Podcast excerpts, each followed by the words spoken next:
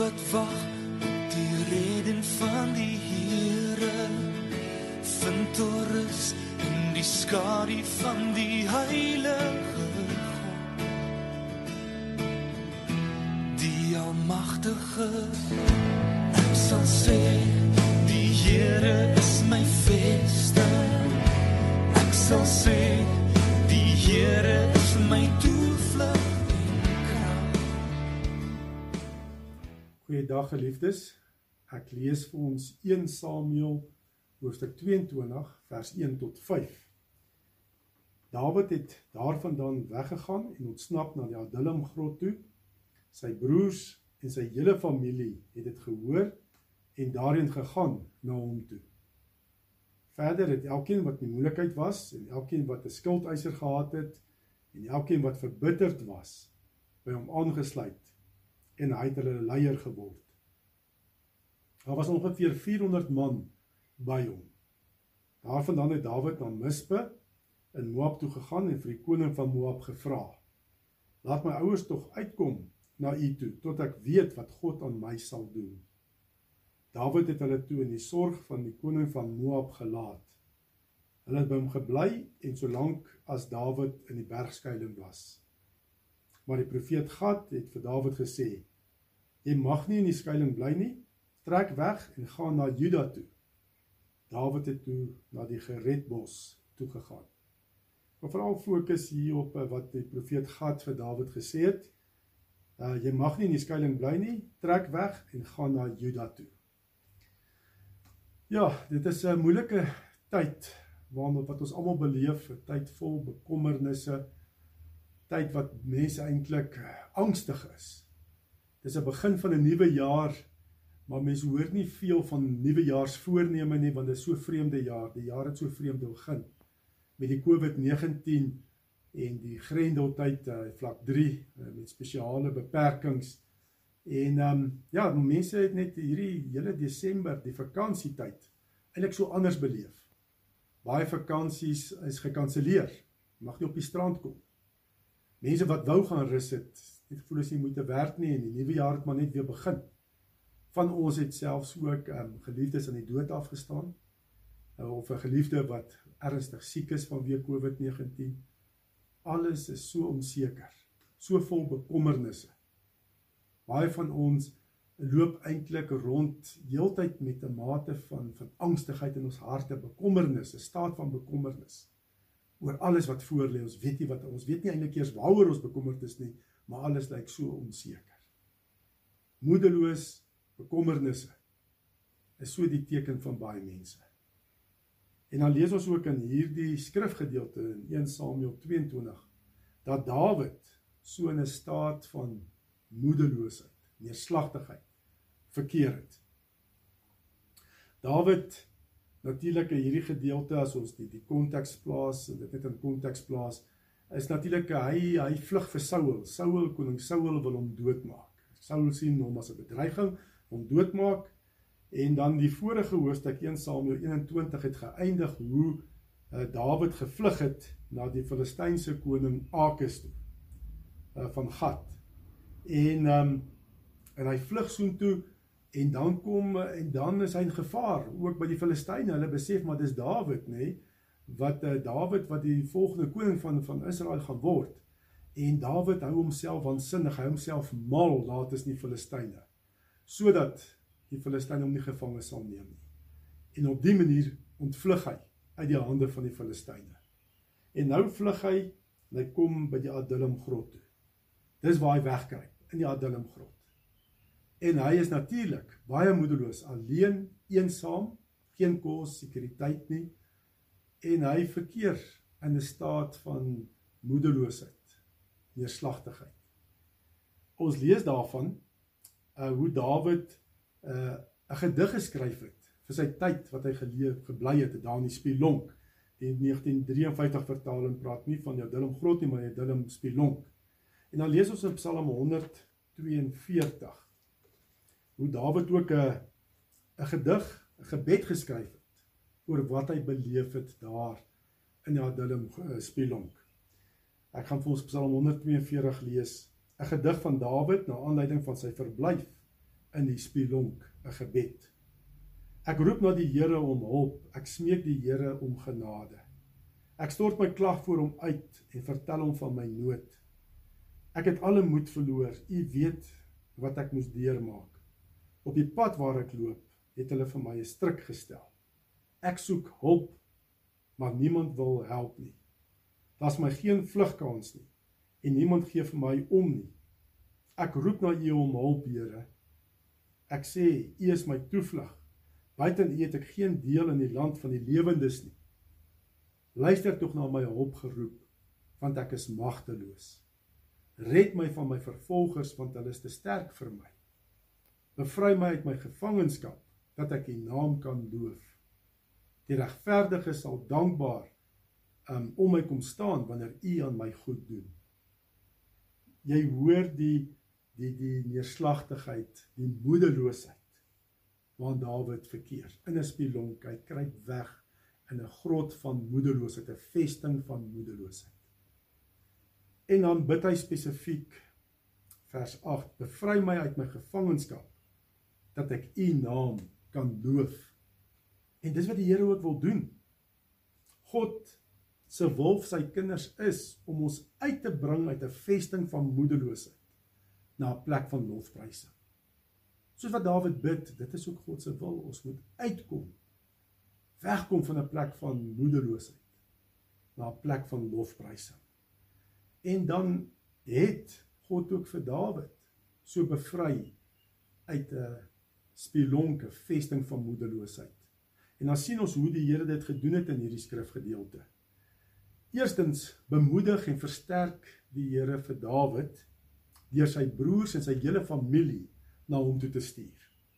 Daar staan in vers 1: Dawid het daarvan weggegaan en ontsnap na die Adullam grot toe. Sy broers en sy hele familie het dit gehoor en daarheen gegaan na hom toe. Natuurlik sy hele familie verkeer ook in gevaar vanweë Saul se haat en vyandskap teenoor Dawid. Daarom was sy familie ook in gevaar, sy ouers, sy broers. En ehm um, hulle verstaan ook die nood waarin Dawid verkeer en het ook natuurlik na hom toe gekom om hom te versterk en hom te bemoedig. En dan sien ons ook toe sy familie by hom kom dat Dawid weer verantwoordelik begin lewe. Verantwoordelikheid vat vir sy lewe en begin planne maak vir die toekoms. Hy maak 'n plan deur sy familie, sy ouers te stuur na Moab toe by om te gaan skuil by die, by die uh, koning van Moab. Um ja, ons lees daarvan in vers 3 en 4. Daar staan daarvandaan het Dawid na Mispe in Moab toe gegaan en vir die koning van Moab gevra: "Laat my ouers tog uitkom na u toe totdat ek weet wat God aan my sal doen." Dawid het hulle toe in die sorg van die koning van Moab gelaat. Toe sy familie by hom kom, toe begin kom hy weer in beweging. En hy beplan en hy neem verantwoordelikheid en hy gaan na die koning van Moab toe. En natuurlik sy familie het bande met die koning van Moab want ons lees dat ehm um, Dawid se groot ouma grootjie was natuurlik Rut gewees. Net die Moabitiese weduwee wat met Boas getrou het. So sy grootouma grootjie kom uit Moab toe. Kom uit Moab. En kon Dawid na die koning van Moab toe gaan en sê asseblief pas my ouers op terwyl ek so in gevaar is vanweë Saul se vyandskap teenoor my.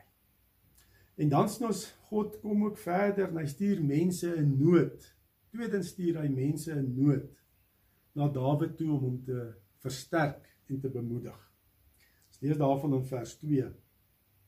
Uh 1 Samuel 22 vers 2. Verder het elkeen wat in moeilikheid was en elkeen wat 'n skuldeiser gehad het en elkeen wat verbitterd was, by hom aangesluit en hy het hulle leier geword. Daar was ongeveer 400 man by hom. Hoekom was daar so baie mense in skuld? En hoekom was daar so baie mense soos wat hierso staan, hulle was skuld en verbitterd en ehm um, en wat in die moeilikheid was. Hoekom was daar so baie mense in Israel wat in die moeilikheid was? Dis natuurlik vanweë koning Saul se regering. Sy uh, onderdrukking en verdrukking van sy onderdane. Samuel het al reeds jare tevore toe die volk gevra het vir 'n koning, hulle gewaarsku en gesê hoor hierso julle vra vir 'n koning? Maar koning gaan julle laat swaar kry? Gaan julle kinders sy slawe maak? Gaan julle verdruk? Gaan julle in die skuld plaas? En uh, dit het ook gebeur dat hier so baie mense in Israel in die moeilikheid was en wat in skuld was en wat verbitterd was is vanweë koning Saul se harde regering, se verdrukkende regering en uitbuiting van koning Saul. En ehm um, nou kom die mense na Dawid toe. En natuurlik gebruik die Here ook hierdie mense wat so in nood verkeer um, om by Dawid aan te sluit om vir Dawid voor te berei om 'n beter en regverdiger koning as Saul te wees. Want hy hoor van die nood. Hy ken die nood van Saul se onderdane. Hoe Saul hulle onderdruk en hulle swaar belaai met belasting en allerlei dinge. En daarom sou Dawid ook toe hy koning geword het, medelee hê met die nood van sy onderdane, met mense in verdrukking. Hy sal medelee hê en hy sal 'n beter en regverdige koning as sou wil wees. So die Here gebruik dit ook. En hy word ook versterk deur al hierdie mense in nood wat by hom aangesluit het. En dan die derde manier wat ons hier lees hoe God Dawid versterk is dat ehm um, God stuur sy woord vir Dawid om hom te bemoedig en te versterk. Ons lees vers 5 Maar die profeet Gad het vir Dawid gesê: Jy mag nie in die skuilings bly nie, trek weg en gaan na Juda toe. So die profeet bring God se woord aan Dawid. Ek dink Dawid en sy bende was heel tevrede gewees om te bly in die vesting in die berggrot, ehm um, bergvesting van Adullam. Daar kon hulle lekker wegkruip en kon aangegaan het met hulle lewe. Hulle was heel tevrede daarmee gewees. Maar die Here sê nee. Hulle kan nie in hierdie vesting van moedeloosheid en passiwiteit bly nie. God kan dan nie deur in en deur Dawid werk nie. Hulle moet uitkom, hulle moet in beweging kom. Hulle moet die vesting van veiligheid waar hulle moedeloos en passief is, moet hulle verlaat. En hulle moet beweeg na Juda. En Juda beteken lofprysing. So hulle moet die vesting van moedeloosheid, passiwiteit verlaat en beweeg na 'n land, na 'n staat van lofprysing. Dis wat moet gebeur. God kan nie werk in en deur Dawid. As hy daar bly in die bergvesting nie. In die berggrot nie. Nee. Hy moet beweeg na 'n plek van lofprysing. Na Juda. En Dawid het gebid en gevra in Psalm 142 vers 8. Bevry my in die 53 vertaling sê bevry my siel, nê? Bevry my uit my gevangenskap. So bevry my siel uit hierdie gevangenskap van moedeloosheid, passiwiteit. Dat ek U naam kan loof, het Dawid gevra. Maar die Here sê vir hom: "Nee, Dawid, wat moet gebeur is dat jy moet beweeg uit 'n plek van moedeloosheid, passiwiteit na 'n plek van lofprysing. En dan kan ek in en deur jou werk.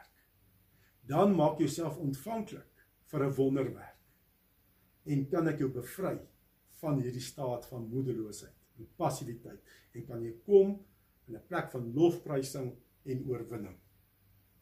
Ehm um, Ja. Dit is dis wat moet gebeur. Ons het ehm um, baie keer wil ons hê God moet eers ons kom verlos. En dan sal ons hom loof en prys. Die Here sê nee, dit werk andersom. Glo sien in my koninkryk. In die geloof begin my loof en prys. My aanbid vir wie ek is, hoe groot ek is. En dan sien jy hoe ek in en deur jou bo-natuurlike dinge doen. Wonderwerke. En dan um, jy bevry word van hierdie moederloosheid. En dis ook wat natuurlik met Dawid gebeur het later. Hy het toe koning later geword. Um 'n plek van lofprysing maak jou ontvanklik vir 'n wonderwerk. Dis die belangrike ding. As jy in die geloof begin lewe en jy beweeg in lofprysing om God te aanbid vir wie hy is. Dit maak jou ontvanklik vir 'n wonderwerk. Dan kan God in en deur jou werk. Paulus en Silas, ons lees daarvan ook hoe Paulus en Silas in Handelinge 16 in die gevangenis gegooi is. Hulle is in die gevangenis gegooi want hulle het 'n uh, slavin met 'n waarses gees, hulle het hierdie gees uit haar uitgedryf, 'n demoon uit haar uitgedryf. En so kon sy toe nou nie meer waar sê en die geld inbring vir haar eienaars nie en hulle gooi toe vir Paulus en Silas in die tronk.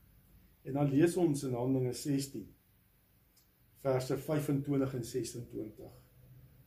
Teen middernag was Paulus en Silas besig om te bid en tot lof van God te sing. Die ander gevangenes het na hulle geluister. Skielik kom daar 'n groot aardbewing wat die fondamente van die tronk geskud het.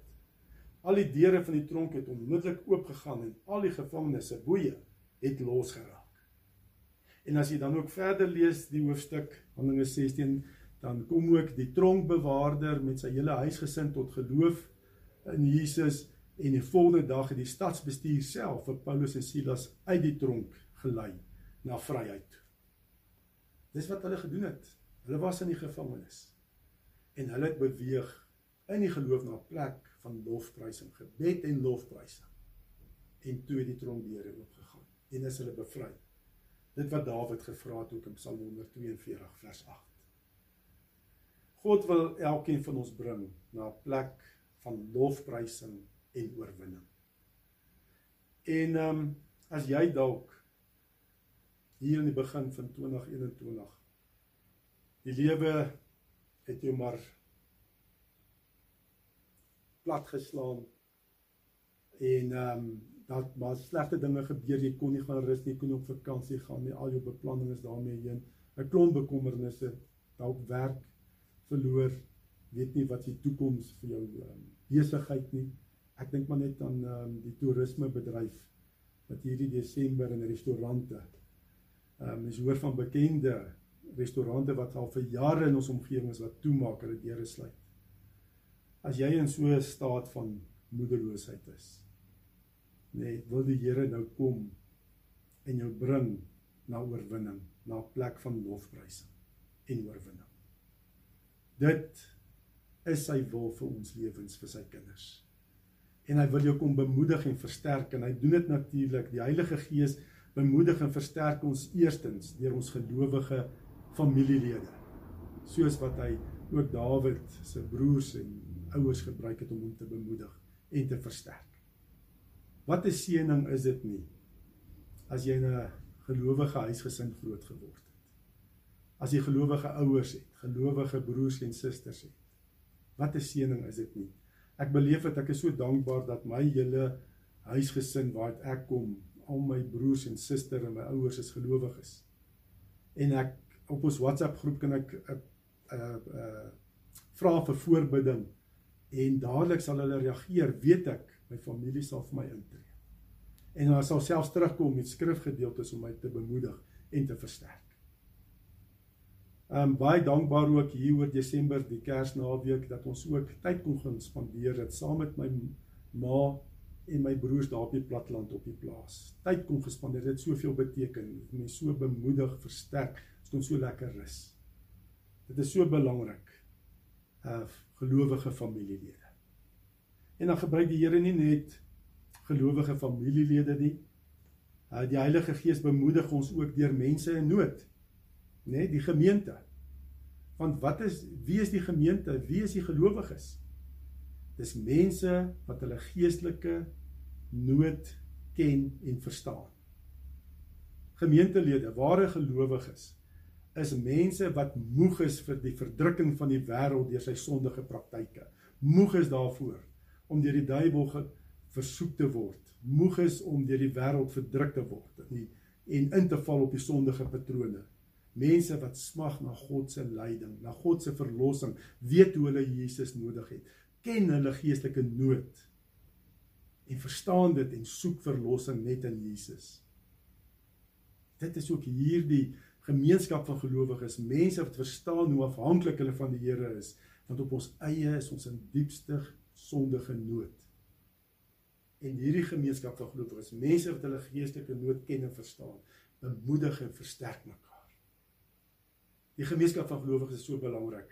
My medegelowiges in die gemeente is deel van daai skare geloofsgetuies wat my aanmoedig om te volhard op die geloofswetloop. Die oë gefestig op Jesus, die begin en die volëinder van my geloof. Beleef dit so in die gemeente. Dit is so belangrik. Mense wat die Here op hulle eie wil dien omdat geen kerk vir hulle goed genoeg is nie. Sulke mense al baie keer veralgemeen maar baie keer het ek al ervaar hoe hulle geestelik vervlou of mislei word deur snaakse leerstellings. Ook in Desember was my wonderlik geweest om saam met medegelowiges te gaan kamp in die Drakensberge. Toe ons 'n um, klompie van die gemeentelede gegaan het en ons het daar gestap in die berge, God se skepping aanskou en saam die Here net geloof en toe prys. Wonderlik geweest. Dit is so belangrik die geloofsfamilie, mense wat hulle nood ken en verstaan en net gryp na Jesus vir verlossing. En dan kom die Here ook in die Heilige Gees bemoedig ons ook deur die woord, deur God se woord. En God sê ook ver oggend vir ons deur sy woord soos hy vir Dawid gesê het. Um as die lewe jou plat slaan. Nee, is ons so geneig baie keer om weg te gaan kruip in ons grot van moedeloosheid, van neerslagtigheid. Die Here sê nee, soos hy vir Dawid gesê het. Nee, beweeg na Juda. Beweeg na 'n plek van lofprysing. Dit is so belangrik. En in Jesus Christus het ons alreeds alles ontvang om werklik God te kan loof en te prys in alle omstandighede. Wat is waar vir jou en my in Christus? In Christus is ons God se kinders nê nee, kosbare kinders duur gekoop met die bloed van Jesus. In Christus is daar geen veroordeling oor ons sondes nie, want hy betaal vir ons sondes. In Christus het ons nou al reeds die ewige lewe. In Christus beloof God die Vader ons hy sal ons nooit verlaat of in die steek laat. In Christus sê die Here ook vir ons hy sal alles in jou lewe ten goeie laat meewerk vir die wat hom liefhet, as jy hom liefhet. Dis alreeds waar vir ons in Christus. Ons alle rede in alle omstandighede om bly te wees in die Here, om in Juda te wees, 'n plek van lofprysing. En daarom kan Paulus ook in sy Filippense brief skryf en dis 'n brief wat hy skryf uit die gevangenis. Skryf hy in Filippense 4 vers 4 tot 7. En hy en, en hy sê daar: Wees altyd bly in die Here. Ek herhaal, wees bly. Wees inskikkelik teenoor alle mense, die Here is naby. Moet oor niks besorg wees nie, maar maak in alles julle begeertes deur gebed en smeking met danksegging aan God bekend. En die vrede van God wat alle verstand te bowe gaan, sal oor julle harte en gedagtes die wag hou in Christus Jesus. Paulus het sy identiteit in Christus geken. En daarom kan hy dit skryf vanuit die gevangenis, opreg dit skryf vanuit die gevangenis, wees altyd bly in die Here alle omstandighede. Nee, God, ek is God se kind. Ek het alreeds alles om werklik bly te wees. God kan nie in en deur ons werk as ons wegkruip in ons grot van moedeloosheid nie. As ons passief is. Nee. Grond van jou identiteit in Christus beweeg na 'n plek van lofprysing in die geloof staan op wat waar vir jou is in Christus en loof en prys die Here. Want dan dan sal die Heilige Gees in en deur jou werk. En bonatuurlike dinge doen wat net God kan doen. En jou bevry uit hierdie vesting van moedeloosheid en jou 'n plek sal bring van oorwinning. Dan kan die Here deur jou werk. Verlos uit die vesting van moedeloosheid deur God in die geloof te loof en te prys en 'n verwagting te hê vir 2021. Want God is nog steeds op sy troon. Hy's nog steeds in beheer. Nie COVID-19 nie. Nee, God gebruik dit wel. Kan ek al sien om mense en families na toe te trek. nee, as jy in die geloof God loof en prys. Nê, nee, 'n plek is van lofprys. Dan maak jy jouself ontvanklik vir God se wonderwerke in jou lewe. Ehm, um, laat dit ons gesindheid wees om van moedeloosheid te beweeg na 'n staat van lofprysing. Dan sal jy ook sien hoe jy bo jou probleme uitstyg. As jy fokus op God se grootheid en sy almag en sy waarheid vir jou lewe, sê jy agterkom eintlik maar hoe klein jou probleme is en jy sal begin leef in oorwinning. Kom ons vra die Here se leiding. Here ons ons loof en prys en dank U vir ons gelowige familielede. En ons loof en prys en dankie ook vir ons um, geloofsfamilie, die gemeente waarna ons geplaas het. En ons sê ook dankie Here vir u woord. Vir die vir ons um, wat u vir ons sê vir ons waar is in u woord Here.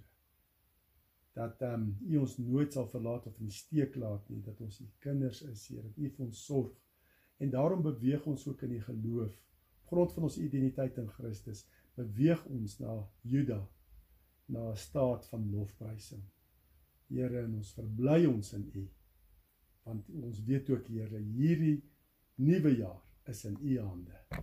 En ons weet ook Here, U gaan ons gebruik in Jesus se naam. Amen.